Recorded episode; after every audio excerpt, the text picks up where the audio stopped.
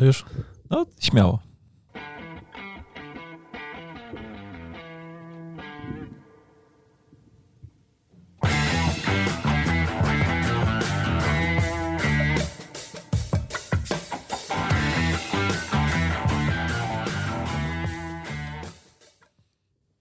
Dzień dobry, fizjopasjonaci. Dzień dobry. Siema.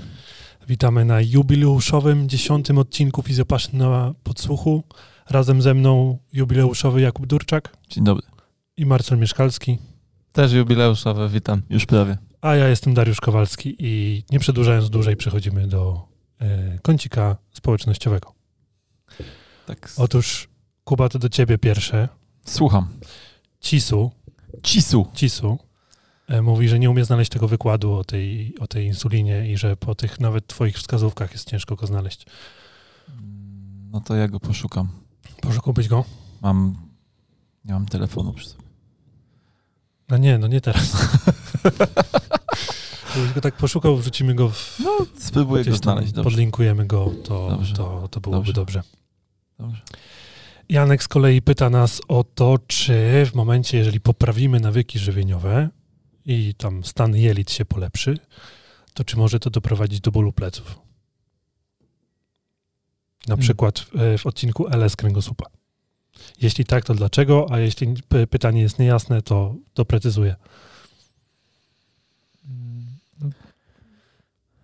Znaczy, po pierwsze pytanie to znaczy poprawić e, odżywianie, bo ktoś może sobie swoim zdaniem poprawić odżywianie wprowadzając pięć regularnych posiłków dziennie i wtedy na przykład moim zdaniem wcale go nie poprawił. Mm, Poza tym trzeba pamiętać, że różnice takie osobnicze są bardzo duże i trzeba mocno słuchać swojego ciała i jeśli wprowadzasz zmianę, która skutkuje objawem, to może to nie jest najlepsza zmiana, pomimo że książkowo może wyglądać na dobrą. E, Poza tym myślę, że zawsze trzeba się liczyć z tym, że jeżeli radykalnie coś zmieniasz, to zawsze może wystąpić jakiś objaw. W sensie, jeżeli jadłeś w maku i nagle zaczynasz jakby jeść mm, zdrowo, normalnie i tak jak ci ciało podpowiada, no to dla ciała w dalszym ciągu to jest jakaś zmiana, nie? jest obciążenie mimo wszystko. Więc czasem wchodzenie w różne stany długofalowo lepsze jest krótkoterminowym stresem dla organizmu i no, trzeba się liczyć z tym, że mogą być jakieś tam konsekwencje. Tak, no dlatego warto podchodzić do tego typu zmian stopniowo, nie zmieniać swojej diety w 100% z dnia na dzień, tylko, tylko robić takie okresy przejściowe na pewno. Mhm. Tak samo z aktywnością fizyczną i właściwie ze wszystkim w organizmach biologicznych dobrze by było zrobić każdą zmianę stopniowo. Tak, jak mówisz pacjentowi, który ostatnie 10 lat spędził przed telewizorem z pilotem w ręku i z browarkiem w drugiej ręce, że spacer to będzie dla niego dobra aktywność na początek, to jest parsknięcie śmiechem, no bo przecież on kiedyś uprawiał sport, nie? więc jakby wróci Stary, tego punktu, całe gdzie życie zakończył. uprawiał sport. Tylko ostatnie 10 lat siedzi. Tylko ostatnie 10 lat siedzi na kanale. No tak. Ale ja na przykład dalej tak o sobie myślę, że ja jestem takim z tyłu głowy. mam Ja takie też jestem fighterem cały czas. No nie? właśnie. Ale widzisz, ty inteligentny. Ostatnio, nie wiem, myślę, że to było jakieś rok, dwa lata temu, jak powiedziałeś, że się bierzesz za siebie, to zacząłeś od spacerów, tak? Tak, Powiedziałeś, tak, że musisz przyzwyczaić swój narząd ruchu do obciążenia i no, To szanuję, prawda, no, ale to no. wiesz, to dlatego, że, że się tym zajmuję, nie? Ale generalnie z tyłu mojej głowy, taki ja mam obraz siebie, to ja dalej gram w siatkówkę, wiesz. No, no, oczywiście.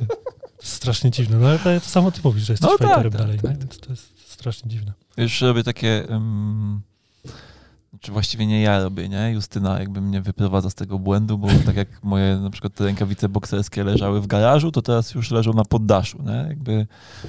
Stopniowo coraz dalej Stopniowo coraz dalej, nie? Ona wyprowadza mnie z błędu. Ściąga mnie na ziemię. Dobrze. Życie. Teraz Olek, słuchajcie. Po- Pozwólcie, że przeczytam w całości. No jasne. Ro, em, o, to było odpowiedź do naszego odcinka przedostatniego, nie tego, gdzie był Mariusz naszym gościem, to czy moim gościem, tylko do naszego tego odcinka, co nagrywaliśmy go w trójkę, na temat tworzenia własnych technik. Mhm. Więc Olek pisze. Robiąc pewne założenia, to zgodzi się z opinią, że można tworzyć własne techniki. Tylko, że działa, to słaby, w cudzysłowie działa, to słaby wyznacznik skuteczności terapii. Pytanie, czy pomaga to w skali długofalowej. Moim zdaniem powinniśmy się trzymać przebadanych technik, bo łatwiej zbadać ich wpływ, bo mamy wtedy więcej konkretnych danych i można dokładnie przeanalizować, co działa i jak działa. Im mniej systematyki w pracy z pacjentem, tym mniej dokładni jesteśmy, a im bardziej ogólnie, ogólne oddziaływanie, tym łatwiej o zmniejszenie skuteczności. Okej, okay, to może ja zacznę. Mhm. Generalnie mm, z tą systematyką, o której pisze Olek, się zgodzę. Systematyczność w pracy gabinetowej jest bardzo pożądanym czynnikiem. Natomiast e, z kilkoma kwestiami tutaj e, mam problem, bo co to są techniki przebadane? Bo w moim odczuciu w świecie badań naukowych na ten moment niewiele jest manualnych form postępowania, które w wysoko gdzieś tam punktowanych czy, czy dobrze mm, odbieranych badaniach naukowych. mm, wykazują dużą skuteczność, tak? Więc y, pytanie, czy powinniśmy zrezygnować z postępowania manualnego w takim razie, bo nie mamy y, dobrze przebadanych albo dobrze udowodnionych technik, to jest jakby pierwsza moja wątpliwość co do tego komentarza od Olka. Natomiast druga e, wątpliwość jest związana z ostatnią częścią jego wypowiedzi, co że działa, ogólne oddziaływanie mm, zmniejsza naszą skuteczność. I tutaj y, też myślę, że trzeba na to spojrzeć w sposób zindywidualizowany, bo część pacjentów y, nie będzie w stanie w ramach terapii, na przykład podczas, nie wiem, pierwszej, drugiej, trzeciej wizyty, przyjąć bardzo specyficznego bodźca w związku z problemem, który zgłasza. I to ogólne oddziaływanie będzie formą przygotowania czy też stworzenia przestrzeni w organizmie pacjenta do tego, żeby to lokalne postępowanie zastosować. Tak? mamy na przykład pacjenta e, w stanie ostrym, no to ciężko będzie z tym pacjentem wykonywać mobilizację tych segmentów, które są bezpośrednio e, zaangażowane w toczący się proces zapalny, więc będziemy musieli wykonać nieco bardziej ogólne oddziaływanie, nie wiem, po to, żeby poprawić drenaż, po to, żeby poprawić ruchomość pewnych elementów, które mogą napięciowo nam ten drenaż ograniczać i dzięki temu lokalnie ten pacjent też zacznie się poprawiać.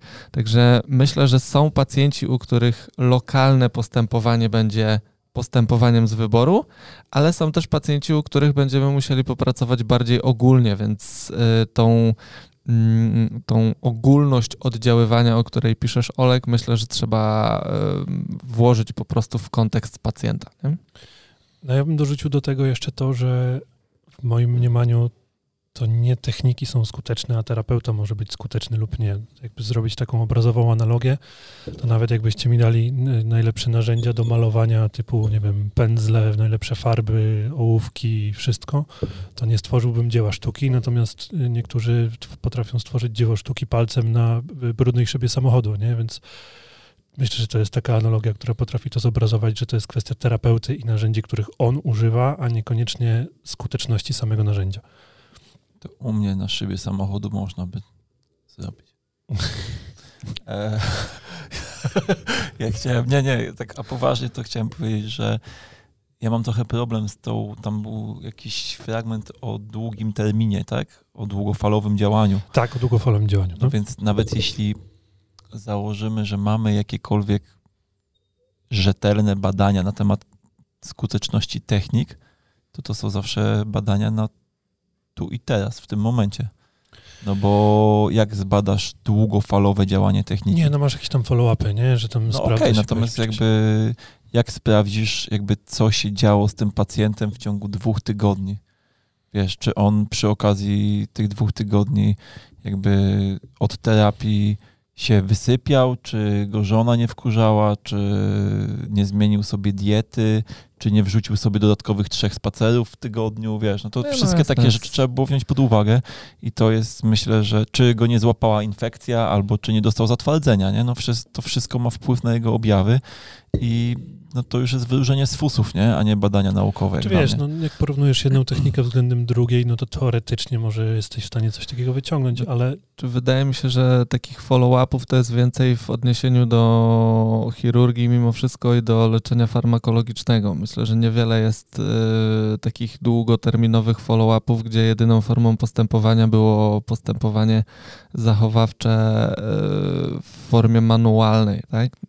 Być może ocenia się to w skali kilku tygodni, natomiast e, no, umówmy się, że ciężko jest zrobić follow-upa w badaniach dla mm, zabiegu manualnego przeprowadzon- przeprowadzonego dziś, a mm, ocena w, ta długoterminowa odbywa się po pół roku, nie? no to myślę, że że e, tutaj się to mija z celem, aczkolwiek zgodzę się z Olkiem, że jakby są mm, myślę, że każdy z nas jako terapeuta ma z tyłu głowy takie założenie, że mm, działanie, którego się podejmuje w gabinecie, albo proces, w który chce wprowadzić swojego pacjenta, dąży do tego, żeby te efekty zmieniły coś długoterminowo. Natomiast ja nie wierzę w długoterminowe efekty terapii jakiejkolwiek bez zmiany czegoś w środowisku codziennym pacjenta. Nie?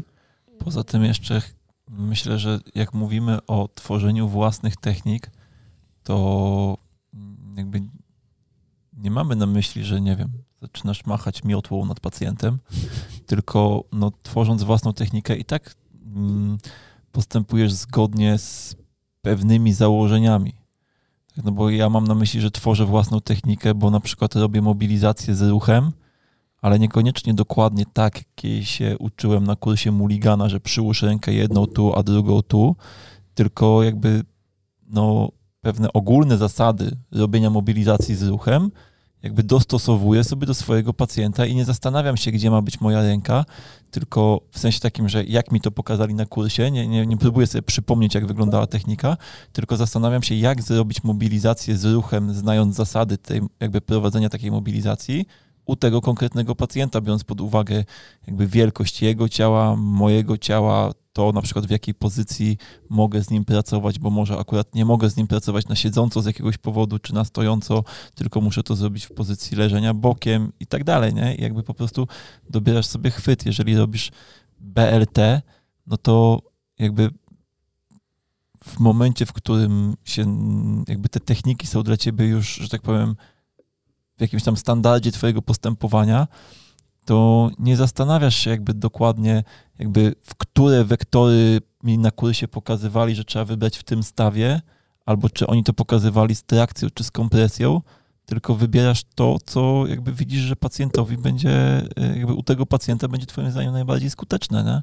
To ja to myślę, na że to, reaguje ciało po to prostu. ja myślę, że to o to chodzi z tworzeniem własnych technik, a nie to, że wymyślasz sobie coś, czego nikt jeszcze na świecie nie widział, bo myślę, że ciężko by było.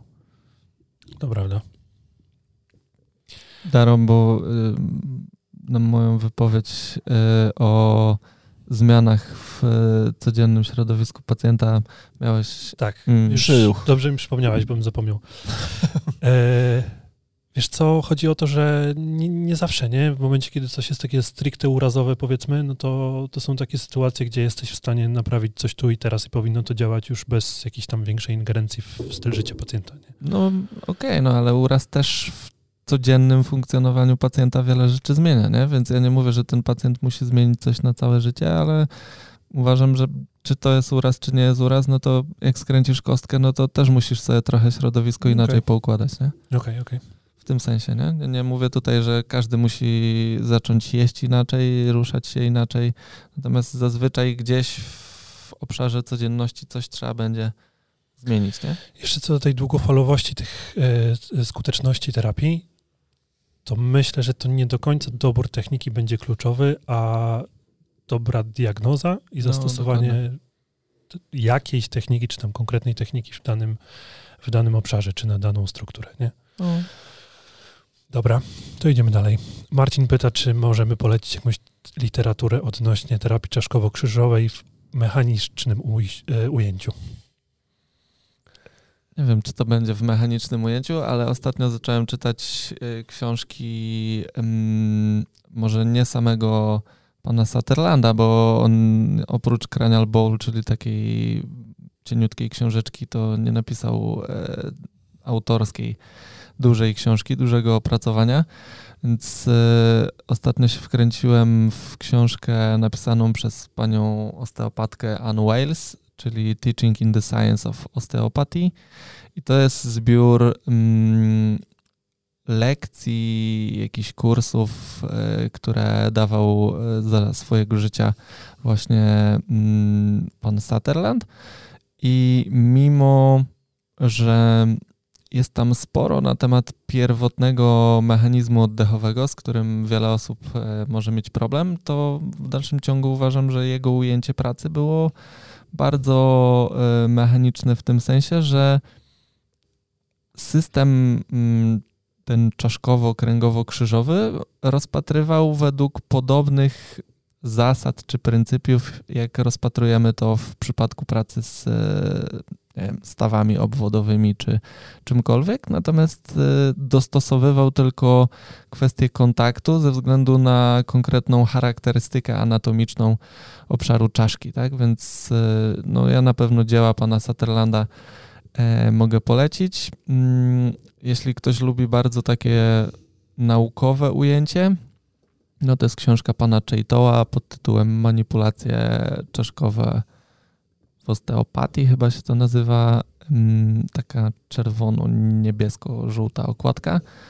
E, natomiast z tą książką jest jeden problem. Ten wstęp jest bardzo, bardzo, bardzo teoretyczny, więc jeżeli będziecie mieć z tym problem, to polecam przebrnąć przez drugą część tej książki i do tego wstępu ewentualnie sobie później wrócić, tak żeby wdrażać już pewne elementy do swojej pracy i, i sprawdzać sobie faktycznie, jak to działa.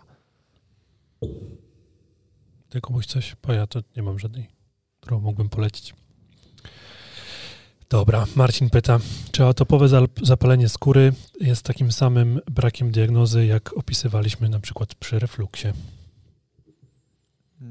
W sensie, no myślę, że atopowe zapalenie skóry jest objawem, nie? więc zawsze jest konsekwencją jakiegoś procesu, który toczy się w ciele. Problem polega na tym, że no, ciężko nam z perspektywy mechanizmów ten proces na ten moment uchwycić. Nie? W sensie wiemy, że ma to podłoże autoimmunizacyjne bardzo często, natomiast y, no, to znowu jest na takiej zasadzie, co jest tym czynnikiem, który nam tą immunologię drażni. Nie? U, u, wielu pacjentów ten czynnik będzie zupełnie inaczej umiejscowiony. Tak, ale myślę, że warto podkreślić, że to zapalenie skóry ma trochę mało wspólnego ze skórą tak naprawdę, w takim sensie, że to jest skóra, która przejawia to zaczerwienienie, złuszczenie czy coś takiego, natomiast sam ten proces dzieje się no, w skórze właściwej, tylko że w naszej głowie skóra właściwa jest naszą zewnętrzną barierą najczęściej, a zapominamy o tym, że to jest część naszej tkanki łącznej, więc jest to normalny proces zapalny, który dzieje się wewnątrz naszej tkanki łącznej po prostu i tak trzeba do tego podejść. Tak, czyli jakby to, co metabolicznie dzieje się w tkance łącznej, informuje nasz naskórek, który jest pochodną ektodermy, o tym, e, co się na poziomie skóry właściwej dzieje, no i ta informacja jest przez naskórek metabolizowana i, i, i przejawia się w taki, a nie inny sposób, nie? Więc zawsze mimo wszystko to był Marcin, tak? Marcin, nie? Myślę, że Marcin, jeżeli będziesz pracował z pacjentem z atopowym zapaleniem skóry, e, to myślę, że będziesz go badał dokładnie tak samo. Będziesz szukał różnych wzorców napięcia, które w systemie tkanki łącznej e, mogą zaburzać metabolizm e, tej tkanki, czy to lokalnie, czy w odniesieniu do jakiegoś obszaru ciała, czy też bardziej systemowo. I no, uwolnienie takiego wzorca, czy też wyeliminowanie takiego wzorca powinno ci przynieść e, w jakiejś tam perspektywie czasu efekt, natomiast y, myślę, że postępowanie czysto manualne rzadko kiedy tutaj przyniesie taki efekt wow, nie? Bo rzadko kiedy... Czasem chwilowy taki, nie? Jakby czasem może być efekt bardzo krótko, znaczy taki krótkoterminowy faktycznie się zdarza czasem, że pacjent jakby fajnie odpowie na terapię, no, ale to jest, to jest chwilowe, nie? Ale rzadko się zdarza chyba, żeby czysto mechaniczny problem był mm, jakby źródłem dla, dla, dla atopii, nie? Chyba, że ten czysto mechaniczny problem będzie mocno związany z układem trawiennym i będzie nam zaburzał gdzieś tam trawienie, no to wtedy, wtedy prędzej. Kuba, ty coś chciałeś mówić, bo widziałem, że tam coś się zbierałeś. Nie, no chciałem jakby tylko właśnie się odnieść do tego, że generalnie no, czy atopowe zapalenie skóry, czy reflux to jest zawsze, czy, czy jak tak naprawdę mm, nie wiem, czy chyba mogę zaryzykować stwierdzenie, że wszystkie choroby, które są jakby nazwane w medycynie, to są to jest opis jakiegoś objawu, nie? Jakby medycyna jakby nazywając chorobę nie skupia się na mechanizmie powstania tej choroby. I yy, no to w niektórych chorobach się jakby potem się to bardziej sprawdza, a w niektórych mniej, no ale no, tak jak na przykład z atopowym zapaleniem skóry, no generalnie to zwykle nie jest problem skóry, nie? Jasne. Drugie pytanie od Mar- Marcina. Czy spotkaliśmy się kiedyś z refluksem, którego przyczyną jest według gastrologa niedomykal- wrodzona niedomykalność wpustu do żołądka? Hmm. I Marcin podejrzewa, że to może chodzić o rozwór przełykowy w przeponie. I więc, no, co wy na to? Znaczy, ja się nie spotkałem, natomiast jeśli ktoś ma niedomykalność, no to ma niedomykalność. Czy ona jest wyrodzona, czy nabyta, to myślę, że bardzo ciężko stwierdzić, no chyba, że jest to naprawdę jakby noworodek, który ma tą niedomykalność, no to, to pewnie byłoby łatwiej nam powiedzieć, że jest wyrodzona, natomiast znowu jakby co to znaczy wyrodzona? Wyrodzona to znaczy, że tak się wykształciło, czy to znaczy, że znaczy, na przykład może w, jeszcze w łonie matki doszło do jakiegoś zaburzenia w, jakby w ciele tego dziecka, które spowodowało tą niedomykalność. Bo Myślę, dla mnie wyrodzona oznaczałoby, że jest nieodwracalna, nie? że to ta struktura w ten sposób się, się wykształciła. wykształciła. Właśnie ja mam z tym problem największy, bo mogę sobie wyobrazić może sytuację, gdzie, gdzie tak by się rzeczywiście zadziało, że nie, będzie, nie będziemy mieli tej, tej zastawki, tylko że generalnie ta specyfika budowy tego naszego E, wpustu żołądka jest o tyle charakterystyczna, że nie mamy tam typowego zwieracza, to jest raz. Dwa, że nie mamy tam typowej zastawki. Jedyne, co tam jest, to jest taki fałd błony śluzowej żołądka, który powiedzmy zwisa sobie niejako zaraz przy wpuście i e, w momencie cofania treści może on nam przykryć e, cały wpust i w ten sposób działa ta nasza zastawka. Natomiast to, czy ten fałd błony śluzowej jest wystarczająco duży, zależy w dużej mierze od stanu napięcia całego żołądka. Bo jeżeli żołądek będzie w, w hipotonii, to ten nasz fałd błony śluzowej będzie się niejako zmniejszał swoją em, powierzchnię po prostu. Powierzchnię funkcjonalną, czyli jakby powierzchnię, którą może zakryć wpust. Tak, będzie po prostu się rozpościerał bardziej na ścianie żołądka niż, niż e, po prostu będzie takim wolnym wolnym elementem, więc ja bym się zawsze zastanowił, czy to nie jest kwestia y, problemu z napięciem na ścianie żołądka i czy to nie powoduje tej niedomykalności. Natomiast pytanie, co lekarz miał na myśli, mówiąc wrodzona niedomykalność wpustu tak naprawdę, nie? Czy to no jest kwestia... Na jakiej zasadzie, na, na, jakiej podstawie stwierdził, że to jest wrodzone, nie? Bo jeżeli faktycznie...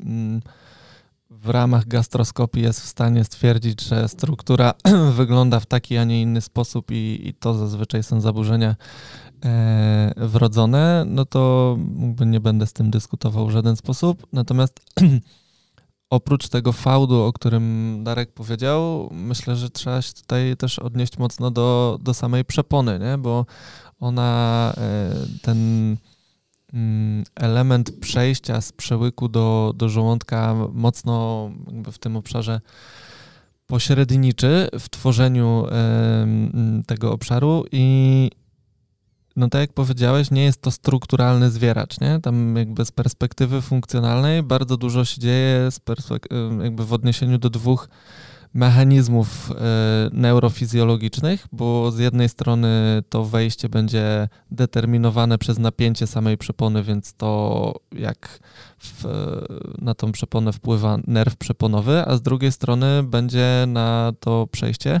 wpływać nam nerw błędny, tak? bo część tej mięśniówki będzie zaopatrzona przez e, sam nerw błędny, więc e, funkcjonalnie bardzo często analizując różne wpływy napięciowe na poziomie tych dwóch mm, struktur nerwowych, okazuje się, że mm, jakby pewne strukturalne niedociągnięcia w budowie jesteśmy w stanie, mm, nie wiem, jakoś zaadaptować poprzez e, pracę nad tą funkcją, nie? Więc e, Znowu pytanie, czy to, że struktura wykształciła się nawet w ramach tej wrodzonej dysfunkcji w taki, a nie inny sposób, musi determinować to, że ten pacjent przejawia takie objawy. Bo zakładam, że jeżeli coś jest wrodzone, to ten pacjent powinien mieć objawy refluksu jakby od, od samego urodzenia. początku, nie?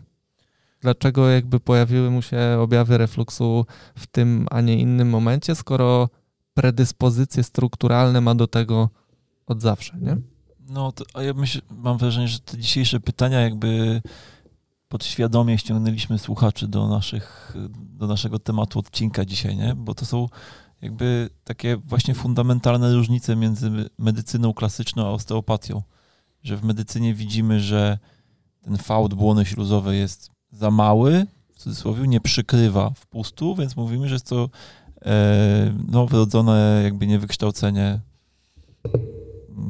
Tak? Natomiast a w, a w osteopatii jakby no okej, okay, nie przykrywa, ale to zobaczmy, jaki jest wzorzec napięciowy, jakie jest napięcie tych struktur, jak one funkcjonują. Znormaliz- jeżeli znajdujemy tam wzorzec, to znormalizujmy ten wzorzec napięciowy i zobaczmy, czy w tym znormalizowanym środowisku ten fałd dalej jest za mały, czy już nie jest za mały. Albo czy, czy on zaczyna może... pełnić swoją funkcję, czy dalej jej nie pełni. I dopiero wtedy na podstawie jakby obserwacji tego, co się dzieje z pacjentem po terapii, jakby wyciągamy wnioski. E... Poczekaj, miałem... E... Chciałem o dwóch rzeczach i jedna mi wypadła. Aha, wiem, wiem co chciałem powiedzieć. To tak jak to, to co mówiłeś, że yy, czy to jest jakby od urodzenia, że coś jest wyrodzone. To jest tak, jak ja mam sporo, przyjmuję sporo dzieci z, z zatkanymi kanalikami łzowymi, nie? I dzieci są na przykład kierowane na przebijanie, tam udrażnianie tego kanalika łzowego, natomiast na przykład te problemy z okiem się zaczęły w trzecim tygodniu życia. No to jeżeli on jest zatkany i niedrożny, to co się działo przez te trzy tygodnie pierwsze, że był drożny? Zatykał się. Wiesz o co chodzi? No jakby on Musiał się... zapracować no na tak, to, żeby no jeśli... się zatkać. No, no, dokładnie, nie? Więc jeśli się zatkał po trzech tygodniach, to jest to funkcjonalne zatkanie, a nie anatomiczne. No jakby... Jasne. No. Dobra, teraz przechodzimy do Maćka i strasznie mi się podoba, jak Maciek napisał do nas wiadomość, bo jest wiadomość podzielona na trzy akapity. Najpierw są plany, potem jest podziękowanie, a na końcu jest pytanie. Więc wszystko jest jasne, bardzo mi się podoba, zachęcam do wysyłania wiadomości w ten sposób. Znaczy nie, że każdy musi pisać peany, nie? No nie, nie. Żeby nie było, że trzeba. Ale można. Ale, Ale można. można. Zachęcamy. Więc Marcin najpierw e, pisze, że super się nas słucha, konkretna dawka wiedzy, super atmosfera i że ma wrażenie, jakby siedział z nami przy stole. Więc to jest taki największy komplement, który miłe. myślę. My cię tu widzimy, Maciek, w tym momencie. Jesteś z nami. Dwudrożna kamera. E, Musisz Potem... Maciek wysłać zdjęcie, bo ja oczywiście ja znam sobie... Maćka to musisz mi pokazać, bo ja niestety wyobraziłem sobie Maćka z klanu, nie? To było moje pierwsze, Maciek mi się jednoznacznie kojarzy zawsze, nie? Okej. Okay. E, potem podziękowania i bardzo nam dziękuję za to, że kładliśmy ostatnio na, na to nacisk, że nie jesteśmy w stanie pomóc wszystkim pacjentom, bo e, Maciek czuje się teraz dużo mniej sfrustrowany, jak to w końcu sobie przemyślał i dotarło do niego to całkiem nieźle. Więc bardzo się cieszymy, że pomagamy w ten sposób terapeutom być mniej sfrustrowanym, to zawsze dobrze. I pytanie. Czyli zdjęliśmy z, niego, z niego tą presję, już nie musi być Jezusem. Tak. Super. W dużym skrócie tak. I pytanie. Um, Maciek stara się za każdym razem rozmawiać o prozdrowotnym, e, o prozdrowotnym stylu życia i chciałby poznać nasze tipy, co, co, co przekazujemy pacjentom. Zgubuś się, myślę, że ty powinieneś to wziąć, bo ty znaczy, lubisz ten temat. Znaczy, ja nie mam jakby jednych typów dla wszystkich pacjentów, natomiast zawsze ja też nie od razu wchodzę z pacjentem na temat jakby jego ogólnego stanu zdrowia, bo mm, myślę, że nie każdy pacjent jest na to gotowy.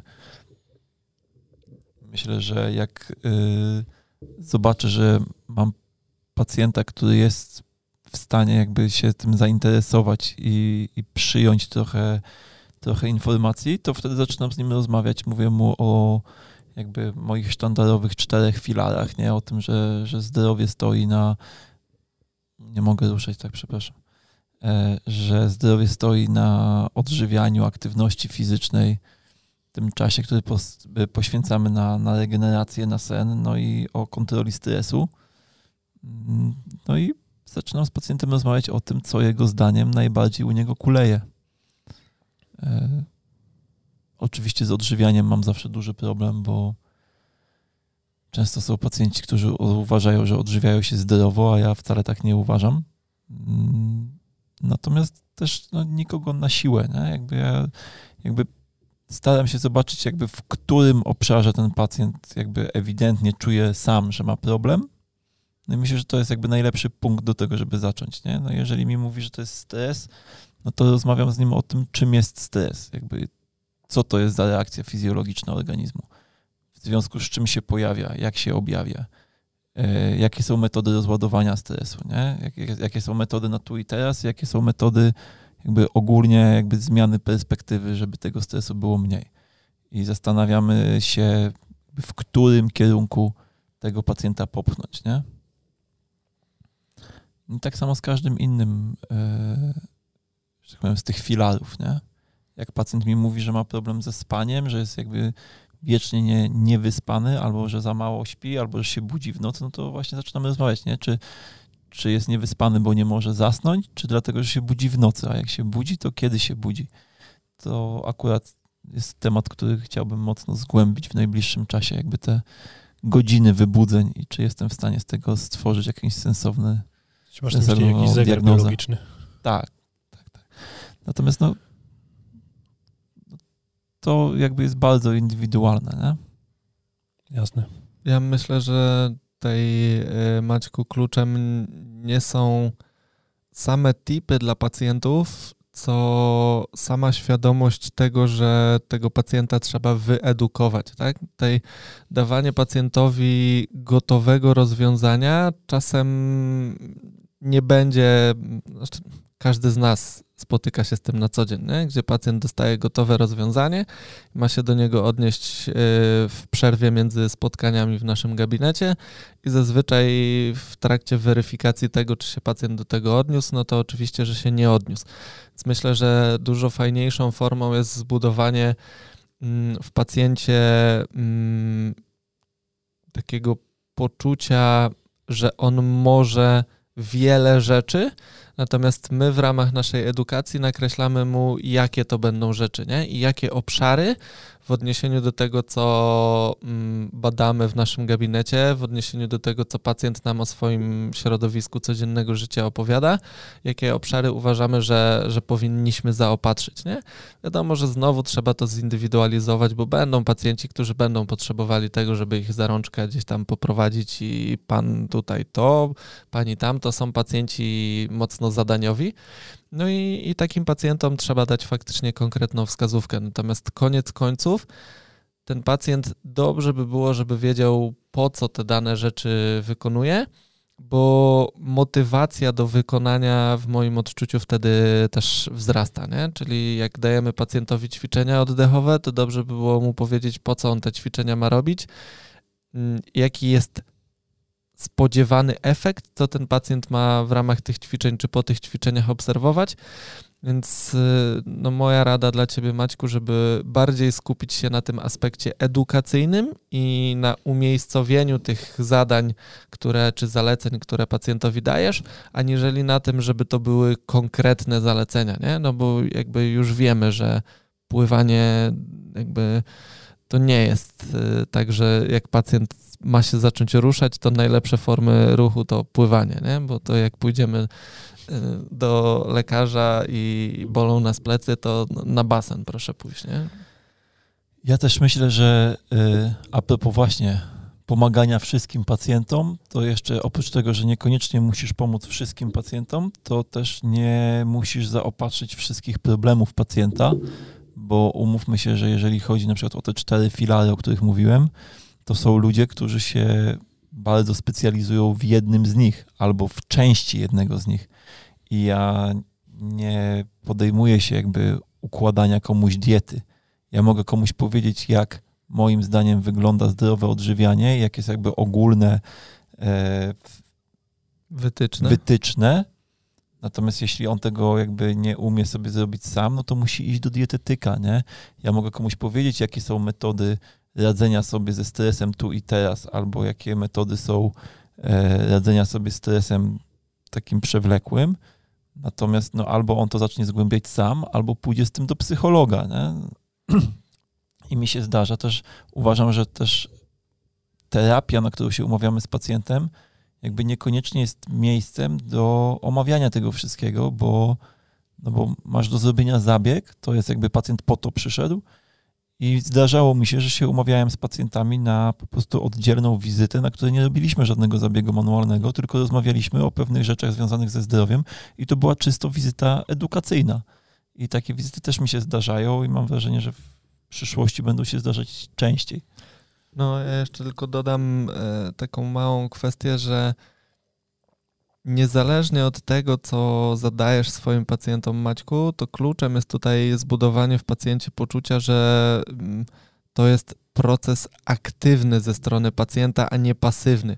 To nie jest tak, że ty mu dałeś rozwiązanie i rzeczy zadzieją się same. Nie? Pacjent tylko będzie teraz obserwował, jak yy, wykonując czy nie, wykonu, nie wykonując Twoich zaleceń, jakby jego zdrowie nagle wystrzela w kosmos, bo, bo on już wie. Nie? No jakby zawsze musi być w to zaangażowana jakaś akcja ze strony pacjenta. Tak, tak jak Kuba powiedział.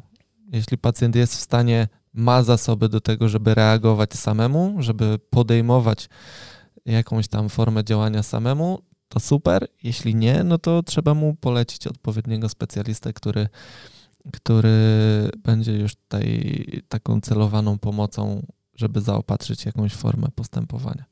Y, Jakub, ja mam taki postulat. Tak słucham. Bo Darkowi się skończyła woda, a tylko ty masz do niej dostęp. Dostęp do wodopoju. Przepraszam, jakby nie zauważyłem. Dziękuję bardzo. To ja w tym czasie przejdę do tego, że popełniłem kardynalny błąd ostatnio, nie ostatnio, przedostatnio. Otóż, moi drodzy, pamiętacie te tytułowe karpie? No. To były łososie szlachetne. No weź. Jaki gość. Naprawdę. Naprawdę to były łososie szlachetne, więc wybaczcie mi, moja pamięć zaszwankowała. Yy, chociaż myślę, że tak naprawdę chyba no niewiele ci, że tak jak Ale też były zdechłe. Też wyniki, były zdechłe. Wyniki badań z karpiami mnie nie dziwiły, to z łososiami mnie dziwił. No właśnie. Nie no, w sensie ja sobie już na przykład zbudowałem pewien obraz karpia. życia karpia i diametralnie go w tym momencie zmieniłeś. No, to jest stresor bardzo. w moim środowisku. Przepraszam bardzo, to biorę to na siebie, to teraz, teraz ten sam obraz powinieneś przenieść na łososia szlachetnego. Nawet nie wiem, jak łosoś szlachetny wygląda. Jak łosoś.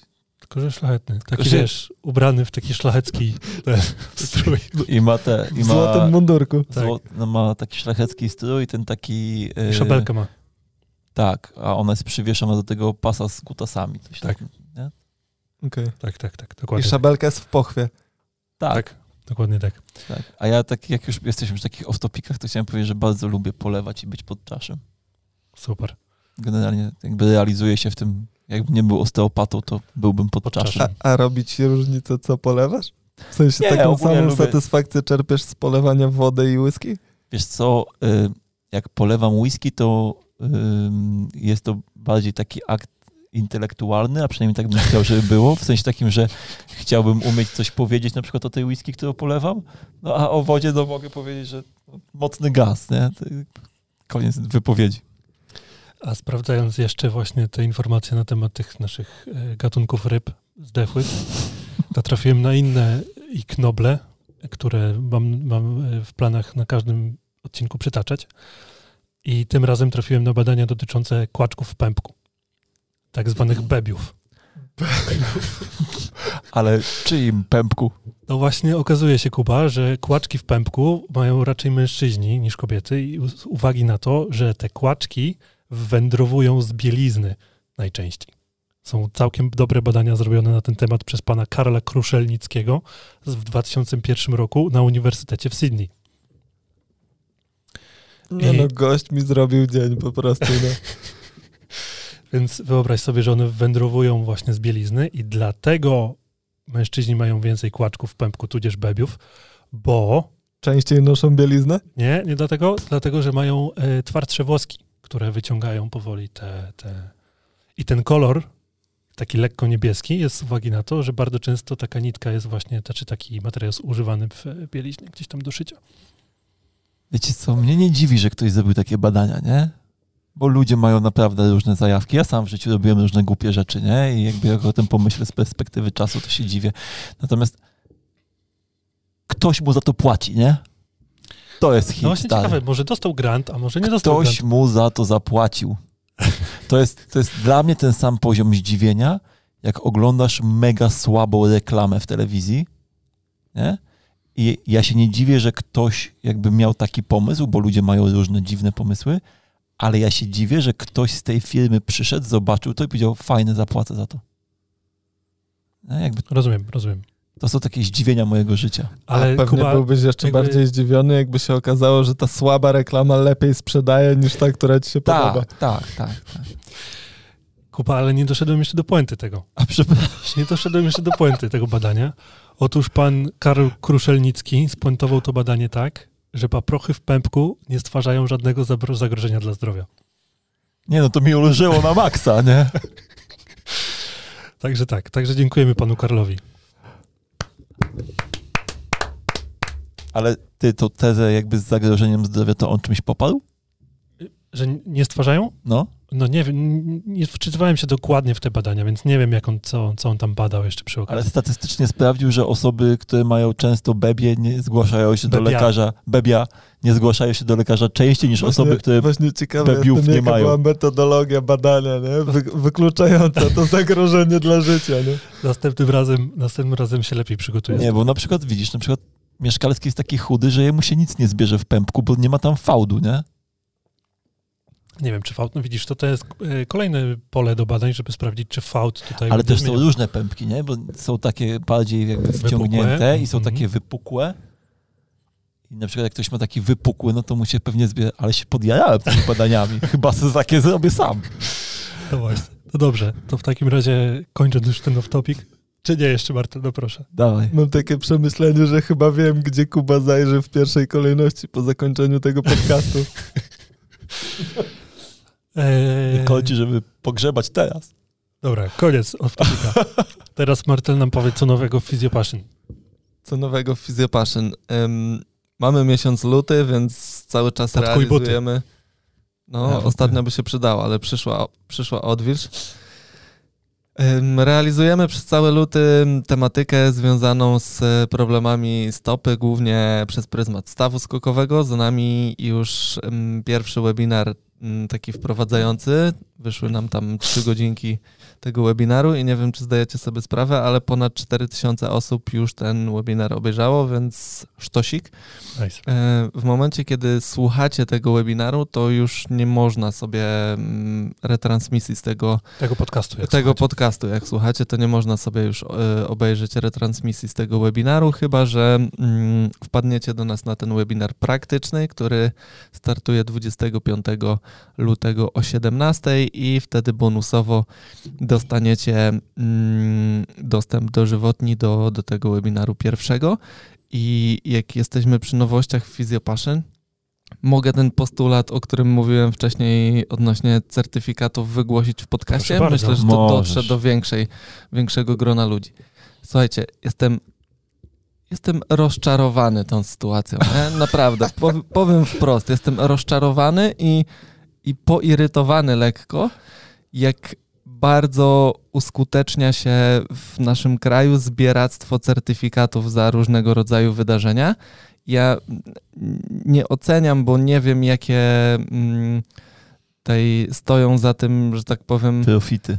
No, motywy. motywy bardziej. Zresztą tak? ja bym chciał, ja mam taki postulat, żeby te osoby, o których teraz mówisz, żeby nam gdzieś w komentarzu napisały, po co jest taki certyfikat. W sensie, no, co z nim można konstruktywnego czy, zrobić. Czy ten certyfikat się wiesza na ścianie, czy co się z nim robi?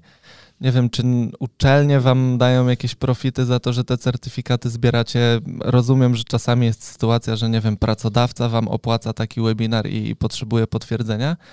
Natomiast mm, w ostatnim właśnie webinarze, który się zakończył, daliśmy taką opcję, że certyfikat jest tylko dla osób, które będą z nami na szkoleniu na żywo, bo jesteśmy w stanie, że tak powiem, ocenić, czy one faktycznie ten materiał przerobiły. No i y, okazało się, że z no, prawie 400 osób, które się na żywo pojawiły, wiele osób weszło sobie tak na minutkę. I Mistrzyni weszła tak, na minutkę. Na, na serio, tak na minutkę po to, żeby się pojawić w statystykach, że była na żywo i w sensie była, że byli, bo to nie była jednostka. I, jakby y, zaraz po tym, jak webinar się zakończył, zaczęły spływać y, pytania o to, czy będą certyfikaty. Nie?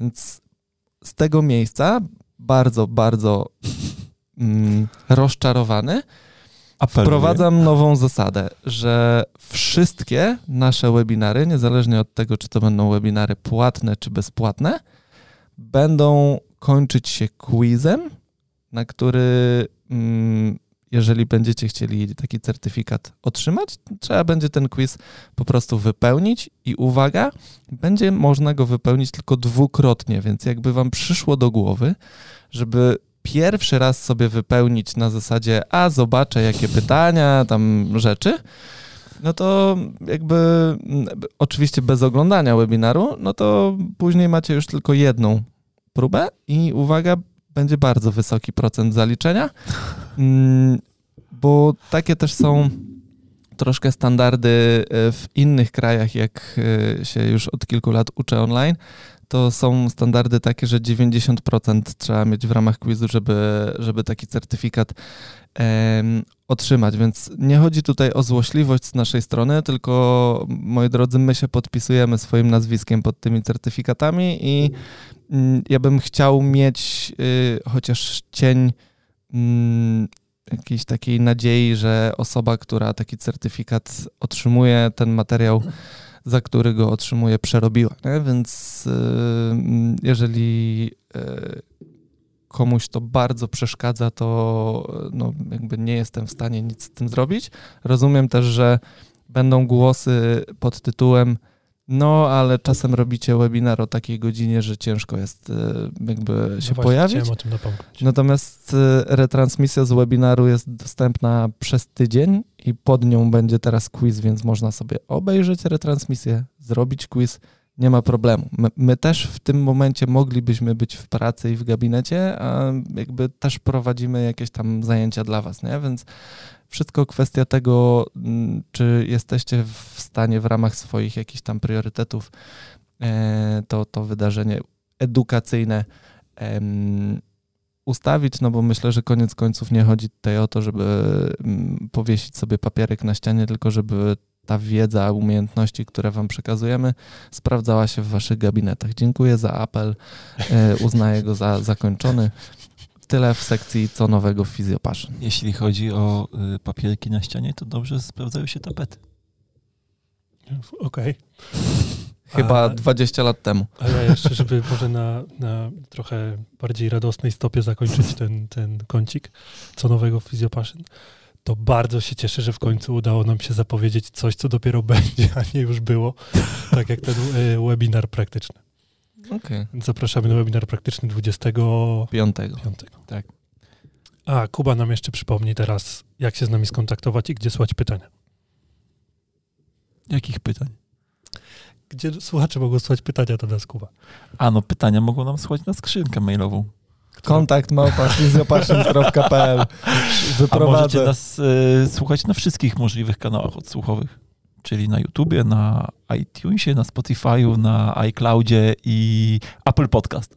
Bardzo ładnie. No tak, czyli trzy razy na Apple'u nas możecie słuchać, bo na iTunesie, iCloudzie i Apple Podcast, tak? Więc jesteśmy wszędzie. Na SoundCloudzie. Tak. SoundCloudzie. No. tak. Przy okazji zapraszamy na Facebooka Fizjopaszyn, na Instagrama Fizjopaszyn, na Tak, TikToka dalej nie. Tam będziecie, No tam będziecie na bieżąco z y, tymi treściami, które produkujemy. E, teraz robimy to tak logistycznie, że każdy z nas ma tydzień swoich treści, więc aktualnie e, jak będziecie słuchać tego podcastu, to będziemy w tygodniu niczyim, więc spodziewajcie się niespodzianek. Tak. Spodziewajcie się niespodziewanego. O, nie przedłużając dłużej, ty, Tak. jesteś mistrzem od tworzenia takich powiedzonek. Eee, Tak. Czy jeszcze ktoś coś, chciałby w tych kącikach, czy zmieniamy kącik? Zmieniamy kącik. Zmieniamy kącik.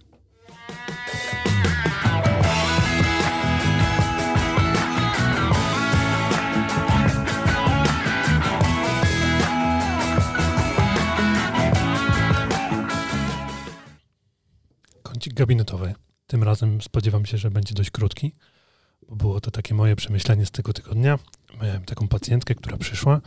Poza tym, że miała jakieś tam dolegliwości, z którymi się zgłosiła, to zgłosiła też, że podczas każdego kucania strzelają jej stawy, szcz- szczególnie stawy kolanowe. I tak z mojego doświadczenia wygląda to, tak, wygląda to w ten sposób, że dość często pacjenci zgłaszają takie objawy.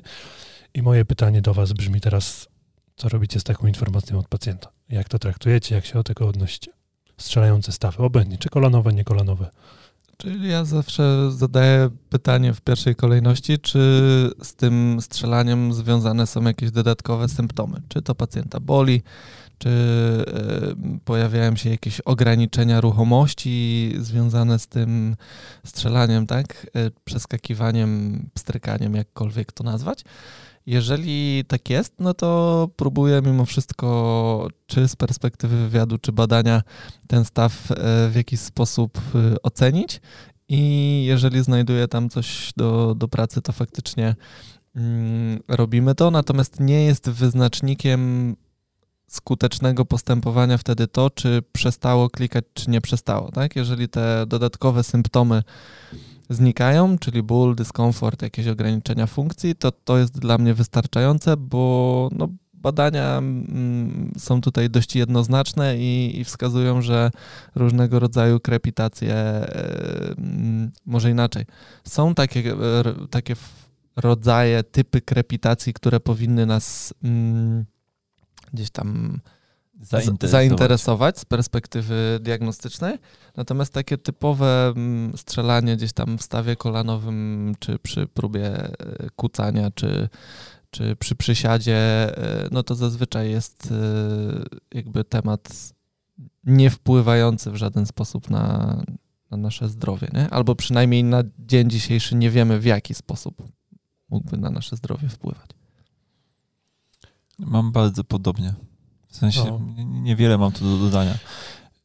Jedno co ewentualnie, ale to znowu to jest jakby na zasadzie, że yy, możemy to stwierdzić jakby na podstawie tego, co się dzieje po terapii, a nie przed terapią. Jeżeli ja pracuję z pacjentem, który zgłasza jakby taki objaw dodatkowo, oprócz jakby powiedzmy bólu, z którym przyszedł, i potem mi powie na przykład na jakiejś kolejnej wizycie, że po terapii yy, to strzelanie zniknęło, czy się zmniejszyło, no to natomiast jest to jakby mocno hipotetyczne, nie? To mogę sobie hipotetyzować, że skoro po normalizacji napięcia to strzelanie zniknęło, no to było związane z tym dysbalansem napięciowym i możliwe, że było jakby pierwszym krokiem, z którego mogło się w przyszłości coś rozwinąć. Ale to jest na zasadzie mogło, nie musiało, to jest jakby mocno hipotetyczne, nie? Jasne. A myślę, że warto napomknąć, że troszkę inna sytuacja jest ze stawem skroniowo-żuchwowym, że jeżeli w tej okolicy mamy strzelanie, to, to z uwagi na budowę tego stawu i ten dysk, który może się tam przesuwać, warto by było zrobić jakąś diagnostykę. To znowu nie musi oznaczać, że coś tam na pewno jest nie tak. Może być to dobrze skompensowane, nie wiem, czy zaburzenie to będzie dobre słowo, no ale odmienna praca tego stawu może być dobrze skompensowana i nie powodować problemów, ale mimo wszystko ludziom, którzy, którzy e, odczuwają strzelanie podczas jedzenia, mówienia czy coś, to zalecam wizytę u kogoś, kto, u jakiegoś stomatologa, kto się zajmuje stawami skroniowo-żuchwowymi, żeby, żeby to przebadać. Si.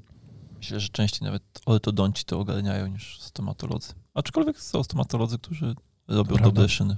To prawda.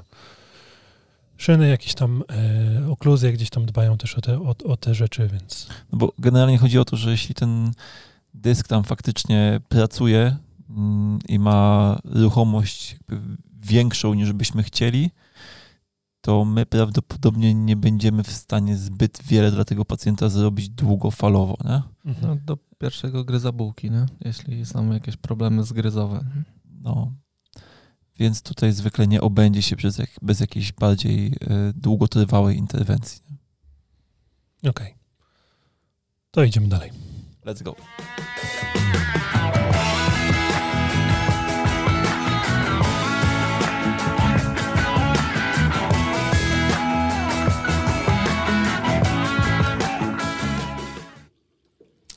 Temat odcinka, moi drodzy. Temat odcinka jest dawno wyczekiwanym tematem.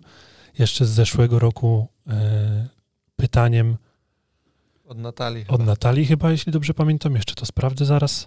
Natomiast Natalia pytała o e, różnicę między fizjoterapeutą a osteopatą, czy między fizjoterapią a osteopatią. Ja jeszcze zaraz odpalę dokładnie to pytanie, żeby sprawdzić, czy wszystkie aspekty pokryjemy, ale na razie spróbujmy po prostu się wypowiedzieć w tym temacie.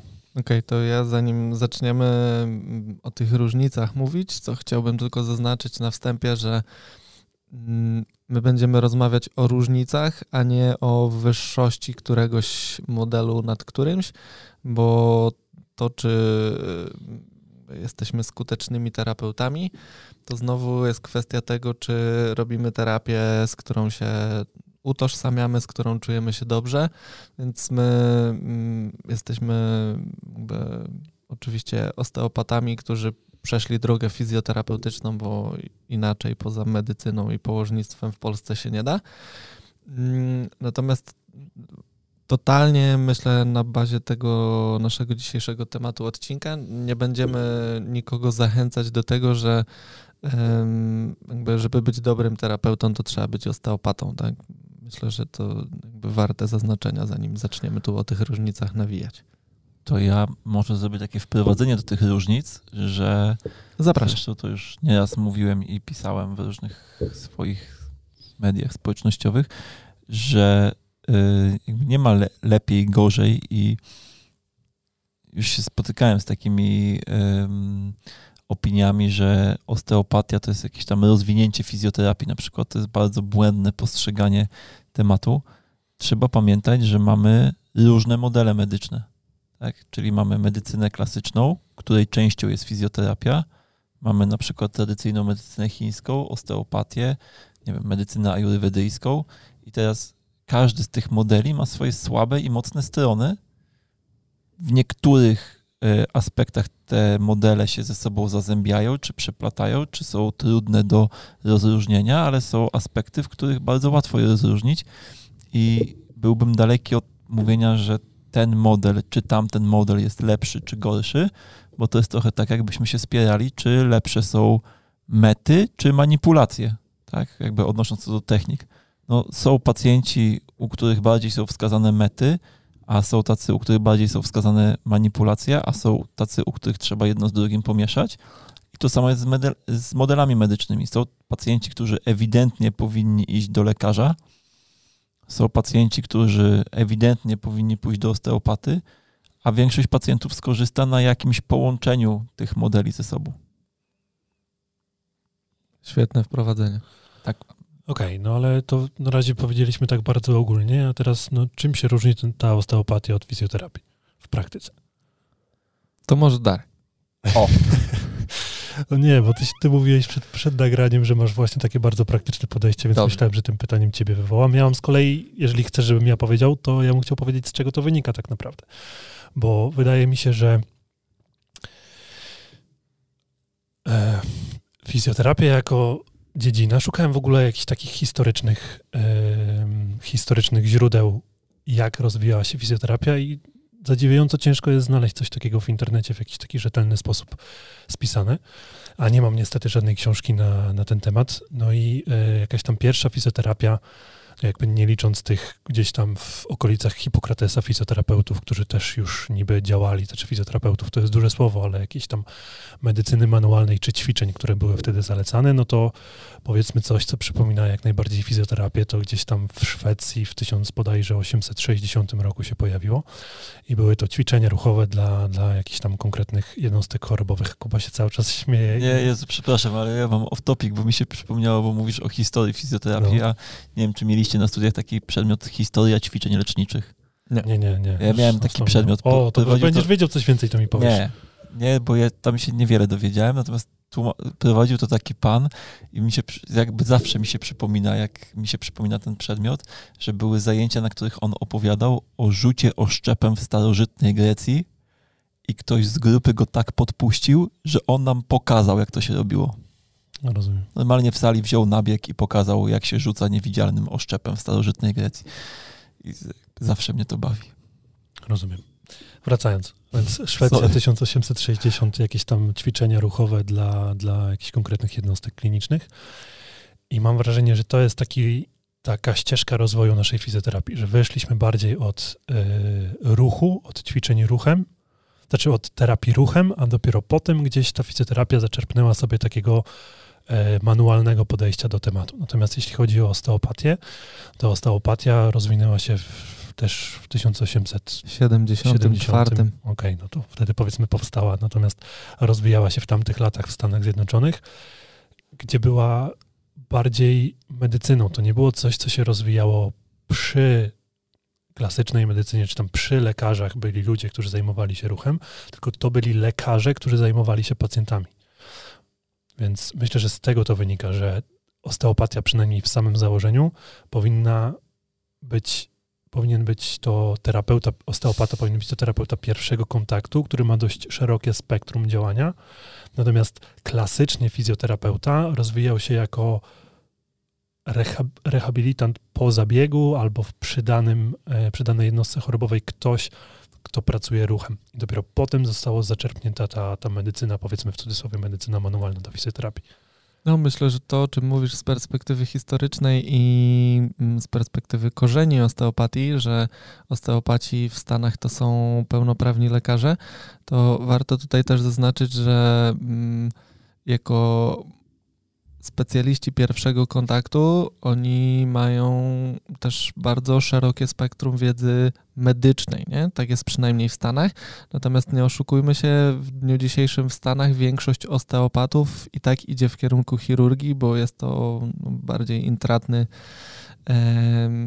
model jeśli chodzi o biznesowe mhm. podejście mhm. do, do pomocy pacjentom. Nie? Więc wielu osteopatów w Stanach jest mimo wszystko chirurgami, a nie, nie, nie pracuje z pacjentami manualnie. Nie? Ja myślę też, że jest taki problem, że no bo tam ewidentna jest różnica między osteopatią a fizjoterapią na przykład neurologiczną, tak? Gdzie pracujesz z pacjentem neurologicznym, pracujesz nad tym, żeby odzyskać pewne funkcje. Oczywiście osteopatycznie też możemy pracować z pacjentem neurologicznym, natomiast ta praca będzie zupełnie inna. Nie? Jakby tutaj sobie pracujemy manualnie, a tutaj robimy ćwiczenia. E, I tak samo jest, nie wiem, z pracą z małymi dziećmi. No, osteopata będzie ewidentnie pracował jakby manualnie z dzieckiem, a fizjoterapeuta, no, na przykład Bobat będzie pracował ze ćwiczeniami, czy Wojtą, czy jakoś tam. Terapeuta Bobat to Wojtą raczej nie. No, terapeuta będzie dziecięcy, będzie wiadomo, pracował jakby jakąś metodą neurorozwojową. Nie? I teraz problem pojawia się na poziomie jakby pracy z pacjentami bólowymi, no bo terapeuci manualni i osteopaci pracują bardzo podobnie i te różnice są dużo bardziej subtelne i stąd czasem biorą się jakieś moim zdaniem zupełnie niepotrzebne tarcia na zasadzie jakby co jest lepsze, Natomiast jak się mówi, że na przykład osteopatia jest podejściem globalnym, holistycznym i tak dalej, to terapeuci manualni natychmiast się denerwują, że my też pracujemy e, holistycznie też jakby widzimy pewne powiązania anatomiczne i tak dalej. No oczywiście, że tak. Natomiast myślę, że jest na pewno różnica w procesie kształcenia, no bo ja jakby zrobiłem kursów terapii manualnej kilka. No dziesiąt? I, albo dziesiąt i no wiem, jakby doświadczyłem tego na własnej skórze, że na przykład to jest to, czego mi osobiście brakowało, nie? Czy jakby co dla mnie było, no ja dlatego cały czas szukałem i w końcu trafiłem na osteopatię, natomiast to jest bardzo moje, nie? Ja tego nie, absolutnie nie uważam, że to jest jakby lepsza droga, tylko to jest po prostu moja droga. Natomiast na kursie terapii manualnej uczysz się terapii manualnej, czyli pracy z mięśniem, czy tam z powięzią, czy ze stawem. A zwykle na kursie terapii manualnej uczysz się trochę technik mięśniowych i trochę technik stawowych. Teraz, jeżeli chcesz sobie do tego dołożyć pracę z powięzią, to idziesz na kurs powięziowy. Jeżeli chcesz sobie do tego dołożyć pracę drenażową, to idziesz na kurs drenażu limfatycznego. Natomiast w procesie kształcenia i jakby w pewnym sensie ten fizjoterapeuta, który kończy te kolejne kursy, musi je sobie sam zintegrować.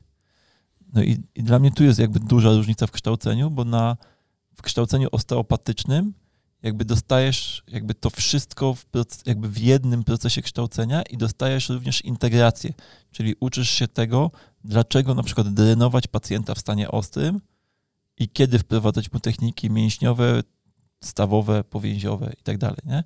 Że tutaj jakby proces kształcenia zakłada integrację tych wszystkich sposobów pracy manualnej, podczas gdy w fizjoterapii, w tych kursach typowo fizjoterapeutycznych, proces kształcenia nie zakłada tej integracji. Ona nie jest odgórna. Musi to jakby wyjść od terapeuty, on po prostu musi chcieć się tego w ten sposób nauczyć, nie?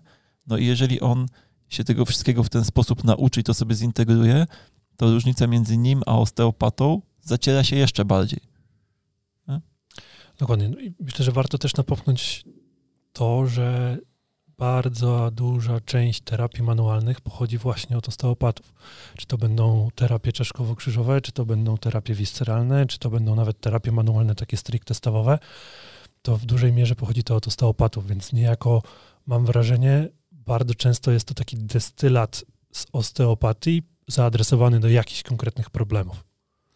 To w ogóle jest proces, który idzie w dwie strony moim zdaniem, bo z jednej strony są fizjoterapeuci, którzy bardzo chcą pracować właśnie jakby na wielu poziomach i rozumieć ten organizm jakby na wielu poziomach i sobie to integrować versus ludzie, którzy e, nie wiem, nauczyli się jednej metody terapii manualnej i chcą pracować tylko tą metodą i spoko, jakby dla mnie nie ma z tym problemu, ale wśród osteopatów ja też widzę tendencję jakby w tą drugą stronę, że ktoś mówi o sobie, że jest osteopatą kraniowo, e, czaszkowo-krzyżowym. No, no, no. Czyli jakby jest osteopatą, natomiast skupia się w swojej pracy na układzie, zakładam, czaszkowo-kręgosłupowo-krzyżowym. Nie?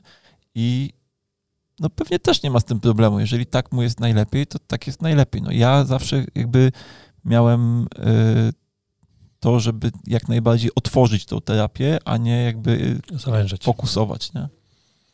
No to mm, ta moja taka, to co ja dostrzegam jako dużą różnicę, mm, o czym rozmawialiśmy właśnie przed nagraniem, to jest kwestia tego, że mm, moim odczuciu, jakby podkreślam, że nie chcę, żebyś tutaj ktokolwiek obraził, bo to jest coś, z czym ja sam długo się mierzyłem na tej drodze fizjoterapeutyczno-osteopatycznej, gdzie w którymś momencie musiałem, musiałem, chciałem jakby wejść w tą osteopatię mocniej, natomiast y, cały czas coś mnie blokowało. Blokowało mnie to, że mm, ja cały czas szukałem w terapii poczucia sprawczości i mam wrażenie, że na tym troszkę mm, opiera się praca fizjoterapeutyczna, czyli my wykonując jakąś formę pracy, mamy określone oczekiwania na zasadzie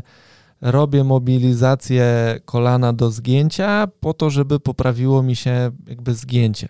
Jasne, są też takie jakby formy postępowania w osteopatii, natomiast yy, osteopatia przynajmniej dla mnie jest takim modelem, który pozwala mi się ustawić troszkę w roli obserwatora. Czyli jeżeli ja jadę mm, uczyć się od osteopatów i oni pokazują mi jakiś sposób dojścia czy kontaktu z pacjentem. Dajmy na to, pracuję z pacjentem przez kontakt pod łukami żebrowymi. Większość z nas, jako terapeutów manualnych, uznałoby, że jest to technika na przeponę. I oczekiwałaby mm, ta zdecydowana większość tego, że po zastosowaniu tego kontaktu coś zmieni się, nie wiem, w ruchomości dolnych żeber, w aktywności oddechowej tego pacjenta i mm, jakby zamknęlibyśmy to postępowanie manualne w pewnym takim ograniczonym, nie wiem, worku przestrzeni. Natomiast to, co dała mi przynajmniej osteopatia, to to, że ja z tego punktu kontaktu, jeżeli moja wiedza anatomiczna jest wystarczająca, jeżeli mm, cały czas nad tą wiedzą anatomiczną pracuję, to daje mi to furtkę do tego, żeby poprzez ten punkt kontaktu wpływać tak naprawdę na dowolny obszar ciała pacjenta. I nie chcę, żeby to nabrało tutaj wyrazu takiej ezoteryki, bo jeżeli mówimy o różnych modelach takich, których, w których się poruszamy w ostatnim czasie, nie? tensegracja, jakieś tam elementy związane z mechanotransdukcją, to są wszystko mm, jakby mechanizmy, którymi próbujemy wytłumaczyć nasz wpływ na ciało pacjenta. Natomiast model tensegracyjny sam w sobie zakłada to, że nie da się wpłynąć na wybraną część tego modelu, tak? Bo jeżeli ja wpływam na wybraną część, to system reaguje jako całość. I to jest coś, co bardzo mocno otworzyło mi oczy. E, w odniesieniu też do tego, co ty, Kuba, powiedziałeś, że są terapeuci, którzy mówią, że są osteopatami czaszkowo-krzyżowymi, nie? I myślę, że oni w dalszym ciągu potrafią wpływać czy zaopatrywać potrzeby całego organizmu, ale modalność pracy manualnej, która mm, kojarzona jest z pracą czaszkowo-krzyżową, jest dla nich tą mm, jakby tą, z którą się najbardziej utożsamiają, nie? tą, która im najbardziej leży, mają e, jakby najlepsze efekty pracując w ten sposób. Dlatego mm, ja, wam za, ja Was zachęcam do takiego spojrzenia na osteopatię i na fizjoterapię jako na dwa zupełnie inne modele, które ustawiają terapeutę w trochę innym miejscu. Bo w fizjoterapii mam wrażenie, że jakby terapeuta jest ustawiony jako sprawca, czyli on ma zmanipulować, on ma jakby rozluźnić mięsień, on ma wprowadzić jakiś tam element ruchowy. Natomiast e, w osteopatii myślę, że jakby dajemy troszkę więcej przestrzeni na to, żeby ciało samo zamanifestowało, czego ono potrzebuje, tak? Czyli ja wchodząc w jakiś manualny rodzaj pracy z pacjentem, zmieniam troszkę jakby napięciowe relacje w ciele, i znając z perspektywy anatomii te relacje pozycyjne między poszczególnymi strukturami, jestem otwarty na to, że w tym ciele w różnych obszarach mogą się zadziać różne rzeczy. No bo zobaczcie, że pracujecie na pewno często, nie wiem, z przeponą pacjenta i pacjent wam w trakcie pracy zgłasza, że jemu się nagle robi ciepło w stopy, tak? Albo, że, nie wiem, drętwieje mu lewa ręka. Tak? Jakby możemy hipotetyzować, dlaczego się tak dzieje. Natomiast jeżeli mamy świadomość tego, że my wprowadziliśmy zmianę na jednym poziomie i to organizm decyduje, w jakim kierunku pójdzie reakcja, to jesteśmy jako terapeuci ustawieni w zupełnie jakby innym miejscu. Nie? I dla mnie to było takim przełomem, jeśli chodzi o osteopatię, bo mogę szczerze powiedzieć, że osteopatia nauczyła mnie cierpliwości. Nie? Natomiast ta cierpliwość niesie za sobą pewne konsekwencje, bo jeżeli ja wprowadzam jakiś bodziec w ciało i czekam na reakcję i ta reakcja się pojawia, natomiast tą reakcję czuję głównie ja, bo pacjent często jakby nie ma świadomości swojego ciała, która pozwalałaby mu poczuć, że zmienił się jego rytm oddechowy, częstotliwość oddechu, albo że mm, nie wiem, mm, pojawiły się jakieś tam zmiany e, w ukrwieniu, tak, co objawia się takim czy innym kolorytem. Pacjent jakby tego nie wie. I ja tą reakcję sobie obserwuję z boku, yy, pracując z tym pacjentem. A, uciekła mi myśl.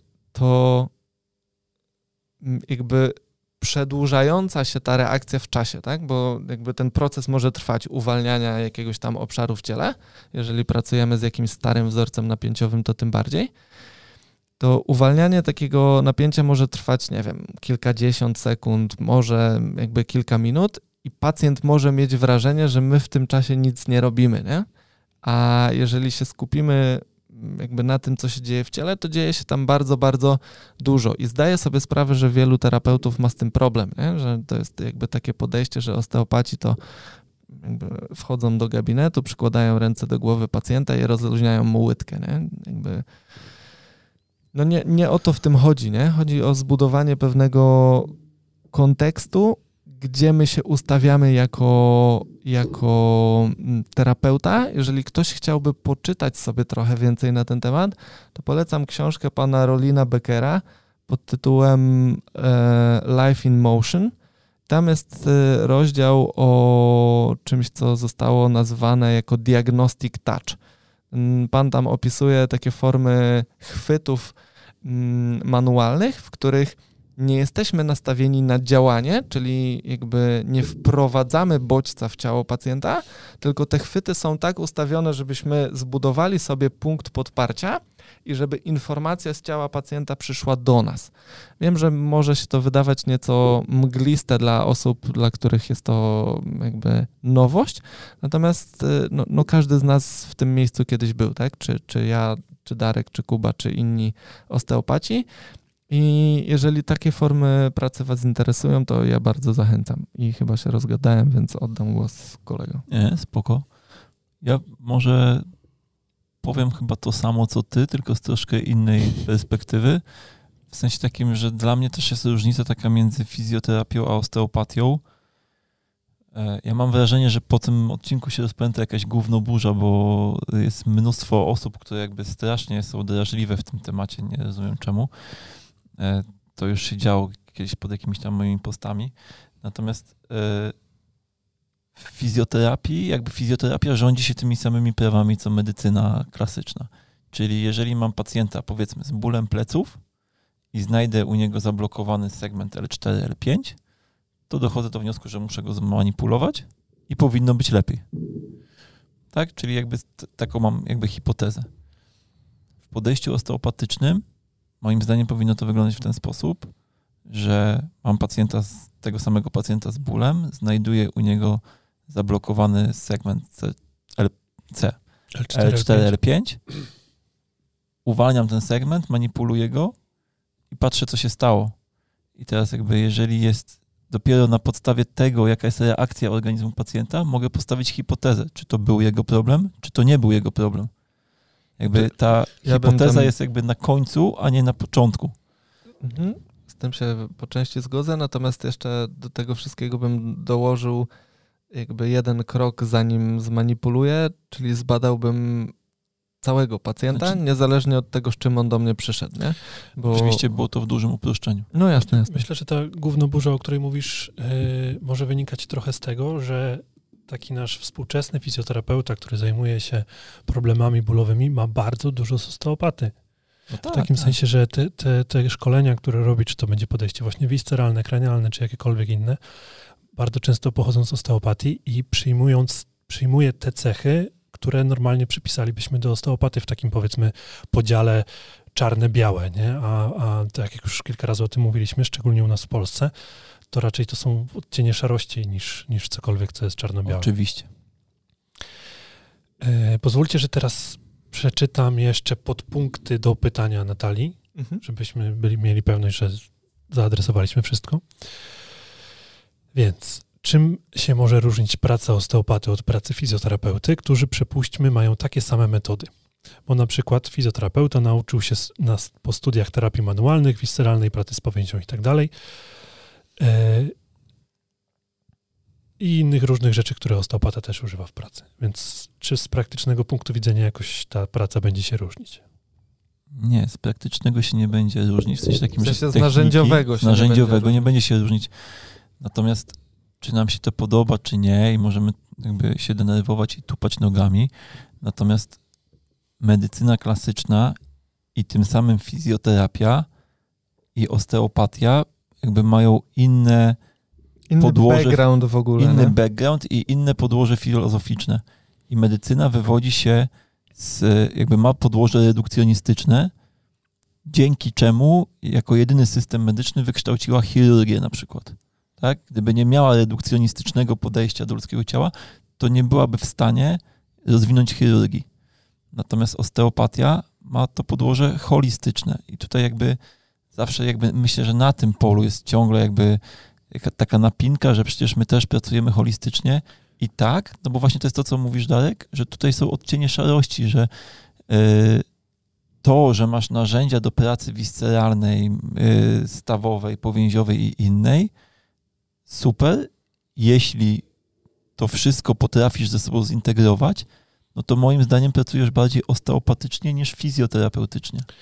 Ja bym Tyle. tylko jeszcze napomknął to, że raczej praca osteopaty jest nastawiona na pracę ze zdrowiem, a nie ze zwalczaniem choroby. I to jest, mam wrażenie, to, to co bardzo często nawet będzie rozróżniać terapeutów, nawet jeśli mają te same narzędzia. I, I to się fajnie wpisuje w to, o czym ja powiedziałem, nie? Czyli wchodząc w kontakt z pacjentem manualny, moim celem nie jest likwidacja jego dysfunkcji, tak? Czyli pacjent miał napiętą przeponę, więc ja jakby chcę mu rozluźnić przeponę, tylko ja wchodząc w kontakt z tą przeponą, staram się stworzyć w ciele pacjenta takie warunki, czy to napięciowe, czy jakkolwiek będziecie chcieli sobie to zwizualizować, które spowodują, że jakby mechanizmy autoregulacji będą mogły zadziałać efektywniej niż ma to miejsce na co dzień u tego pacjenta, czego efektem końcowym będzie dokładnie to samo, bo ta przepona się zazwyczaj rozluźni, nie? Natomiast mindset,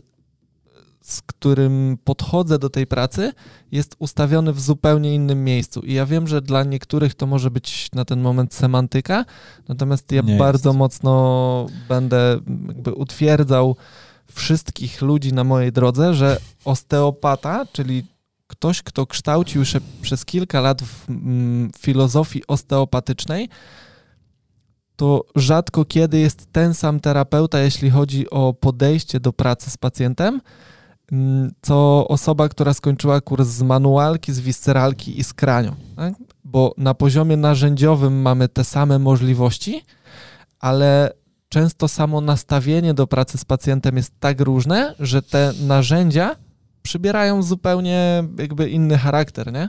I efektywność y, takiej pracy wcale nie musi być y, tutaj na korzyść jednej czy drugiej grupy, bo może być osteopata, który myśli holistycznie, natomiast nie potrafi na poziomie narzędziowym tych tego swojego holistycznego spojrzenia przekuć na narzędzia, przez co efekty jego pracy są jakby średnie, Czy ty Ale- chcesz powiedzieć, że są kiepscy osteopaci?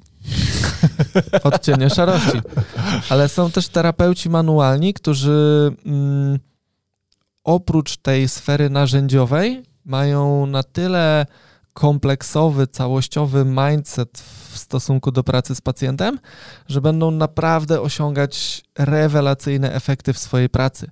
Więc to, co powiedział Darek dzisiaj, to nie techniki będą Terapeuta.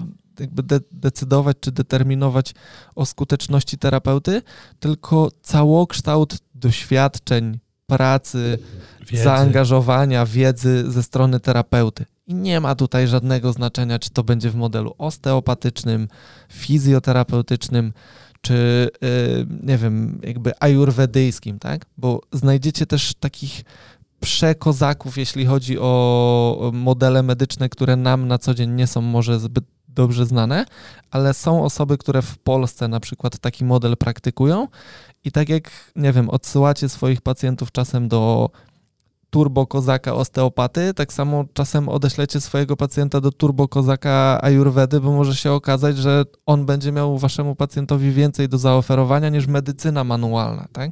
Jakby my jako fizjoterapeuci czy osteopaci też często zamykamy się na to, że w walce z problemem pacjenta postępowanie manualne to jest zawsze jakby droga z wyboru, nie? Ja uważam, że mm, niekoniecznie tak jest. Tam ja myślę, że dobrym dowodem na to, że to, co mówiłeś, to właśnie nie jest tylko semantyka, świetnym dowodem na to są pytania, które padają często na webinarach. Mhm. Bo niby wszyscy to rozumieją, niby wszyscy się z nami zgadzają, natomiast ciągle dostajemy pytania: Mam pacjenta z tym i z tym, jest opis objawu, co mam z nim zrobić? I na te pytania my nigdy nie jesteśmy w stanie odpowiedzieć, dlatego że objaw nie determinuje postępowania terapeutycznego. Objaw jest zakończeniem pewnego tak. procesu, nie? Z opisu objawu czasem jest tak, że możemy Wam powiedzieć, na co zwrócić szczególną uwagę, ponieważ chodzi nam o ogólny stan zdrowia tego pacjenta, który jest sugerowany objawem. Więc jak ja bym miał pacjenta z takim objawem, to zwróciłbym szczególną uwagę na ten i na ten i na ten aspekt jego zdrowia ogólnie, czy jego sytuacji medycznej, tak? jeżeli chodzi o taką wiedzę ogólnomedyczną. Natomiast nigdy po objawie nie powiem, co masz z nim zrobić, no bo nie, ale to mogą być nawet konkretne struktury, nie? że dajemy czasem takie odpowiedzi. Zwróć uwagę na to, na to, na to tak. i na to, ale może być taka sytuacja, że we wszystkich tych elementach, które wymieniliśmy, nie będzie żadnego problemu. Nie? Tak, to, to, będzie... to, to, jest tylko czysto poparte wiedzą na temat relacji pozycyjnych między różnymi strukturami, więc jeżeli masz objaw pod tytułem takim, no to możesz go, e, możesz podejść do niego z perspektywy anatomicznej, czyli w obszarze mm, manifestacji tego symptomu będziesz doszukiwać się źródła problemu.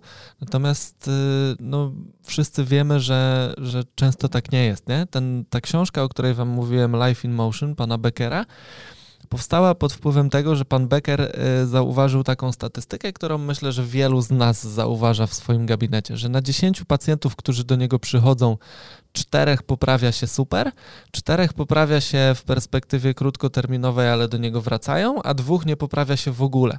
Więc zaczął mm, właśnie zmieniać trochę swoje podejście do pracy, zaczął nieco bardziej obserwować, aniżeli mm, narzucać. narzucać. I okazało się, że w momencie, kiedy dał mm, swoim pacjentom, ich organizmom przestrzeń do tego, żeby zamanifestowały to swoje zdrowie, Znowu wiem, że to brzmi jakby dla osób, które mistycznie. z osteopatią nie są związane ultramistycznie. Natomiast nasz organizm ma właściwości, umiejętności autoregulacji i to, że nasz pacjent przejawia takie, a nie inne problemy, wynika z tego, że z jakiegoś powodu te mechanizmy autoregulacji zostały ograniczone, bądź też jakby nie są w stanie się zadziać, tak, zaistnieć. I, i naszą rolą jest tutaj jakby mm, praca nad tym, żeby, żeby one po prostu pojawiły się i, i, i mogły tego pacjenta czy to z tego, czy innego symptomu wyprowadzić. Teraz mi przyszła jeszcze do głowy taka myśl, że, że fizjoterapeuci mm, różnią się od osteopatów tym, że fizjoterapeuci troszkę są postawieni w takim miejscu, gdzie mają wyprowadzić pacjenta z, jakby z choroby, która się już toczy, nie? Czyli trafia do mnie pacjent, nie wiem, z e, chorobą zwyrodnieniową stawu biodrowego i ja w ramach swojej pracy fizjoterapeutycznej mam ten staw biodrowy w cudzysłowie uruchomić na tyle, żeby ten pacjent jakby mógł funkcjonować mimo mm, tego, co już się zadziało w jego ciele. Nie? Natomiast mm, wiele osób się dziwi, że jakby osteopata w takim procesie może niekoniecznie na pierwszym miejscu postawi ten staw biodrowy. Nie?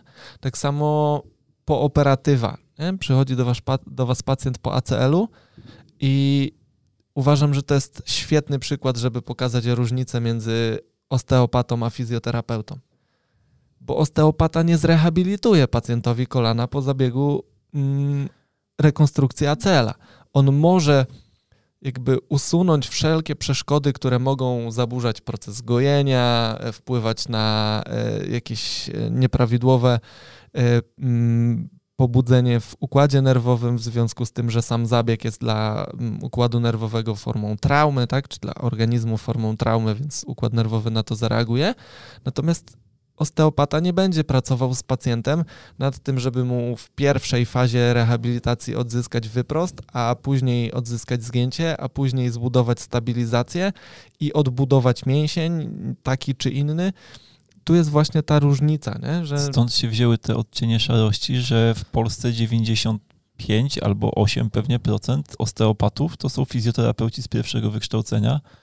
Natomiast na przykład w Anglii można pójść sobie na osteopatię prosto po szkole średniej i yy, no to są takie zdziwienia na przykład na akademii, nie? Jak Anglicy prowadzą zajęcia, pamiętam były takie zajęcia, gdzie e, Dan Brown coś było, wyszedł temat płaskostopia.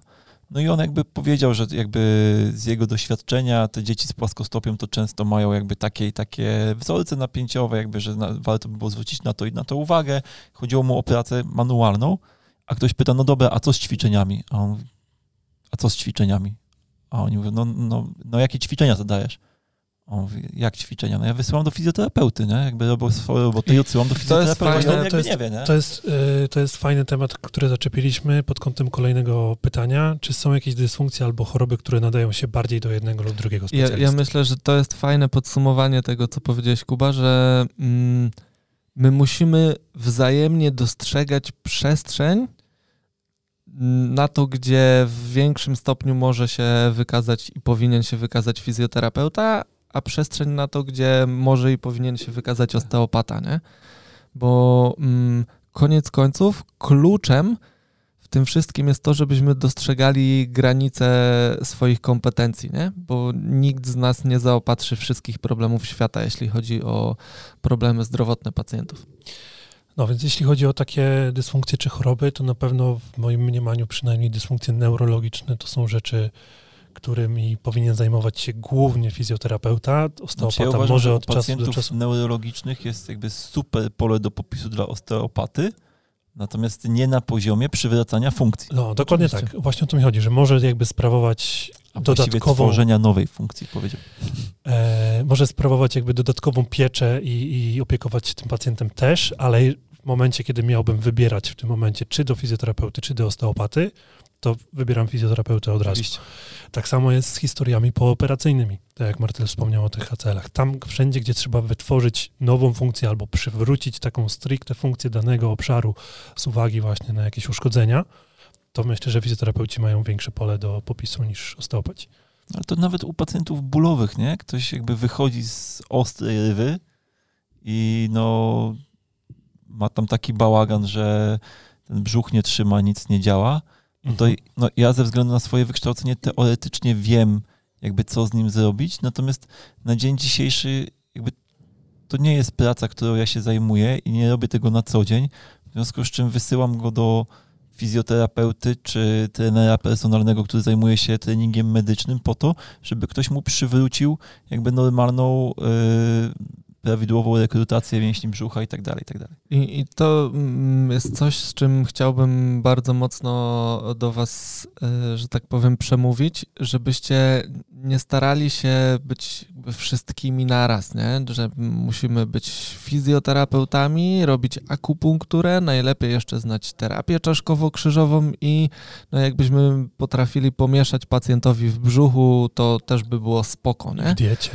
Tak, jakby mam wrażenie, że to idzie w tą stronę, nie? I uważam, że to jest, że to jest złe, bo mm, nie chodzi tutaj o to, żeby się specjalizować w swojej pracy na zasadzie takiej, że ja będę fizjoterapeutą tylko od kolana. Chociaż uważam, że jeżeli ktoś zajmuje się przypadkami stricte kolanowymi, ale potrafi na nie spojrzeć z większej perspektywy, to na pewno będzie świetnym specjalistą, który mm, będzie się spełniał w tym konkretnym obszarze problemów pacjentów. Natomiast mówiąc o specjalizowaniu się w czymś, mam na myśli to, żebyśmy my po prostu wybrali drogę, która jest dla nas ok, z którą się utożsamiamy. Nie idźcie tym trendem rynkowym, który się teraz pojawia, że jakby każdy musi zrobić osteopatię, bo to jest taka lepsza fizjoterapia. Nie idźcie tym trendem, że każdy musi w swoim gabinecie używać igieł, bo jest na to moda i nie idźcie tym trendem, że jakby y, coraz bardziej przybija się kwestia treningu medycznego czy też terapii ruchowej i pracowaliście do tej pory tylko i wyłącznie manualnie przez 10 lat swojej pracy i nagle doszliście do wniosku, że będziecie jeszcze specjalistami odruchu, nie? No, jakby uważam, że, że, że to się nie uda. Dos, no. Dostrzegajcie jakby to, że nie ma terapii która odbywa się tylko z perspektywy hands-on albo hands-off. Zazwyczaj trzeba te dwie rzeczy ze sobą gdzieś tam połączyć, natomiast to wcale nie oznacza, że wy musicie zaopatrzyć się robić wszystkie. jedna osoba zawsze. Poza tym, wiesz co, no jakby wczoraj o tym gadaliśmy, nie? Że ze wszystkiego można zrobić majstersztyk, że we wszystkim można być mega specjalistą. I pytanie, jakby co chcesz robić? Ja uważam, że w momencie, w którym pracowałem z pacjentami neurologicznymi, metodami neurofizjologicznymi, jakby przywracałem ich jakby do sprawności, na przykład po udarach, uważam, że byłem w tym bardzo dobry. Natomiast ostatnio z takim pacjentem pracowałem pewnie, nie wiem, strzelam z 8 lat temu i na dzień dzisiejszy jakby wiedziałbym teoretycznie, co mam z nim zrobić, natomiast uważam, że mocno zardzewiałem w tym temacie i Mhm. odesłałbym go do kogoś, kto robi to na co dzień. Jakby ja wiem, jak poprowadzić proces usprawniania po ACL-u i jakby ktoś się uparł, to mogę mu to zrobić. Natomiast też pytanie, jak wysoko są postawione oczekiwania pacjenta, bo jak miałbym przywracać po operacji ACL-a Lewandowskiego do sprawności, to wolałbym, żeby to robił ktoś, kto robi tylko to usprawnianie po ACL-ach, dlatego że jest w tym po prostu mistrzem i dostrzega niuanse, których ja nie dostrzegam, bo on się skupia na tej jednej rzeczy w swojej pracy. Nie? Kolejne pytanie. Czy to prawda, że jeśli ktoś chce być osteopatą, to musi porzucić, wszystkie dotąd używane metody i techniki pracy fizjoterapeut- fizjoterapeutycznej? Natalia tak usłyszała od profesjonalisty w dziedzinie. I czy osteopatia oznacza tak odmienny mindset, że nie ma tam już miejsca na posiłkowanie się narzędziami pracy terapeutycznej z innego modelu? Przepraszam, ale to jest kompletna to, co, bzdura to, co, to, co powiedzieliśmy przed chwilą, odpowiada na to pytanie, nie? Jakby wszystko zależy od tego, co chcesz robić w gabinecie, tak? Możesz ukończyć studia osteopatyczne, natomiast jeśli jakby chcesz pracować ruchowo z pacjentami, no to jakby będziesz pracować ruchowo, mając tytuł osteopaty, natomiast no, terapia ruchowa z założenia nie jest terapią mm, jakby utożsamianą z osteopatią, nie? Natomiast to wcale nie oznacza, że nie możesz dostrzegać tego osteopatycznego mm, spojrzenia w, w tym, jak postrzegasz y, swojego pacjenta z perspektywy Dla ruchu. mnie to takie trochę teksty, wiesz, bo ja też jestem osteopatą Tak. i nie robię już nic, co wiesz, jakby z całym szacunkiem, nie? Natomiast Kompletna bzdura, ja się zgadzam z tobą. jakby z całym szacunkiem po wszystkich technikach na staw ramienny, które widziałem w, odkąd zacząłem się zajmować osteopatią, jak mam pacjenta, który ma problem faktycznie ze stawem ramiennym, ok, jakby teraz dostrzegam takich izolowanych problemów dużo mniej niż kiedyś, natomiast jeśli trafia mi się taki pacjent, to absolutnie techniką z wyboru jest mobilizacja z ruchem według Mulligana. Uważam, że nie ma lepszej techniki, jeżeli ktoś ma faktycznie problem z tym stawem. I wtedy to jest jakby coś, co ja robię i jest to jedna z pewnie z pierwszych technik manualnych, których się nauczyłem, jak jeszcze byłem na studiach i uważam, że jest mega skuteczna i nie widzę żadnego powodu, żeby jej nie użyć. Czy w osteopatii jest odpowiednik kinezyterapii? To myślę, że już odpowiedzieliśmy na to pytanie, że raczej nie ma. Natomiast nie ma żadnego problemu w tym, żeby być osteopatą i zalecać pacjentowi jakieś ćwiczenia, albo nawet nauczyć go jak, jakichś ćwiczeń, jeśli chcesz się takimi rzeczami zajmować. Oczywiście. I co wnoszą kursy do typu osteopatyczne podejście do w pracy fizjoterapeuty? Jeśli osteopatia, to cał, całościo, całościowy model odmienny od fizjoterapii. Oprócz ładnego certyfikatu z ładnie brzmiącym tytułem, myślę, że y, narzędzia po prostu, które wykorzystasz w pracy, natomiast no to jakby nie będzie nigdy Nie no. osteopatia, nie? Musimy, musimy spojrzeć na to w ten sposób, że wszystko, co osteopatyczne, zrobiło się modne, dlatego mamy trochę taki wysyp kursów, które są osteopatyczne. Natomiast jeżeli myślę sobie, że jeżeli byłby to naprawdę fajny kurs o osteopatycznym podejściu do, to byłby taką trochę zajawką tego, jak myśli osteopata i można by wtedy sprawdzić, czy to jest droga, którą chcesz podążać, czy nie. To na No, pewno nie jest coś, co... Ja myślę, że kursy na zasadzie, nie wiem, osteopatia, nie wiem, w pediatrii, tak? Ja bym chciał, żeby, znaczy miałbym taką nadzieję, że te kursy po prostu dają dużo wiedzy ogólnomedycznej dookoła tej pediatrii, tak? Mhm. Czyli zwiększają twoją świadomość na temat różnych problemów zdrowotnych związanych z dziećmi, natomiast no narzędziowo no, raczej nie zobaczysz tam wiele więcej niż na kursie terapii manualnej. Pediatry. w pediatrii. E, jakie osteopatia ma ograniczenia? I myślę, że no przede wszystkim osteo, mamy takie ograniczenia jako osteopaci, że nie jesteśmy w stanie zmienić Patologii. struktury, struktury tudzież patologii pacjenta. Czyli jeżeli już doszło do przebudowy tkanki, no to magicznie nie jesteśmy w stanie tego cofnąć. I nie jest tego w stanie cofnąć nikt, natomiast ewentualnie chirurg. A z drugiej strony w każdej patologii możesz, masz spektrum funkcjonowania w tej patologii od najlepiej w tej patologii do najgorzej w tej patologii i zadaniem osteopaty dla mnie jest sprawienie, żeby pacjent funkcjonował jak najlepiej w swoim upośledzonym funkcjonowaniu, tak? jeśli ma jakąś patologię. Jasne. Jeszcze jakieś ograniczenia, to na przykład e, trochę kontrowersyjnym tematem jest praca z, u osób z nowotworami, bo badania na szczurach, co prawda, pokazały, że niby drenaż limfatyczny wykonywany daleko od miejsca guza samego powoduje lepsze wyniki tych, tych przerzutów, to czy no mniejszą ilość przerzutów, e, mniejszego guza i tak dalej. Natomiast no, temat jest na tyle kontrowersyjny, że, że no, nie wiem, jak jest z tymi nowotworami na dzień dzisiejszy tak naprawdę. Znaczy ja zawsze to postrzegam w ten sposób, że no medy- osteopatia jest medycyną regulacyjną, w związku z czym jakby regulując organizm zwiększamy jego potencjał do radzenia sobie ze swoimi problemami. Więc w tym sensie jakby możesz teoretycznie pomóc każdemu pacjentowi, tylko pytanie, nie skupiasz czy się wtedy na pracy z nowotworem, Tak. tylko z pacjentem, nie? na zwiększeniu jego potencjału do jakby odzyskiwania zdrowia, czy przeciwstawiania się chorobie.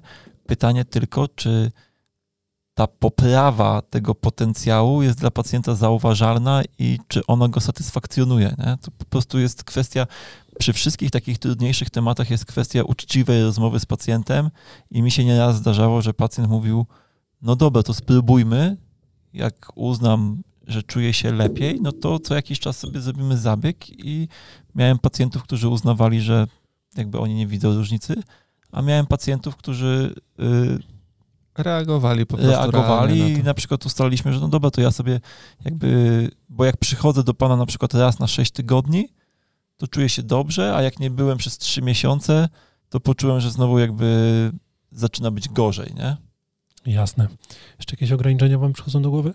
No, takie jak w każdym innym modelu medycznym, że no, jakby nie znamy, nie poznaliśmy natury ludzkiego zdrowia na tyle, żeby po prostu pomóc każdemu, nie? więc ym, tak samo jak terapia manualna, medycyna chińska, jakikolwiek inny model nie zaopatrzy wszystkich problemów, tak samo tych wszystkich problemów nie zaopatrzy osteopatia. Nie? Myślę, że im większa świadomość terapeuty, im e, większa praca włożona w to, żeby ta wiedza, umiejętności i doświadczenia procentowały w gabinecie, tym większa świadomość tego, gdzie te ograniczenia leżą. Nie?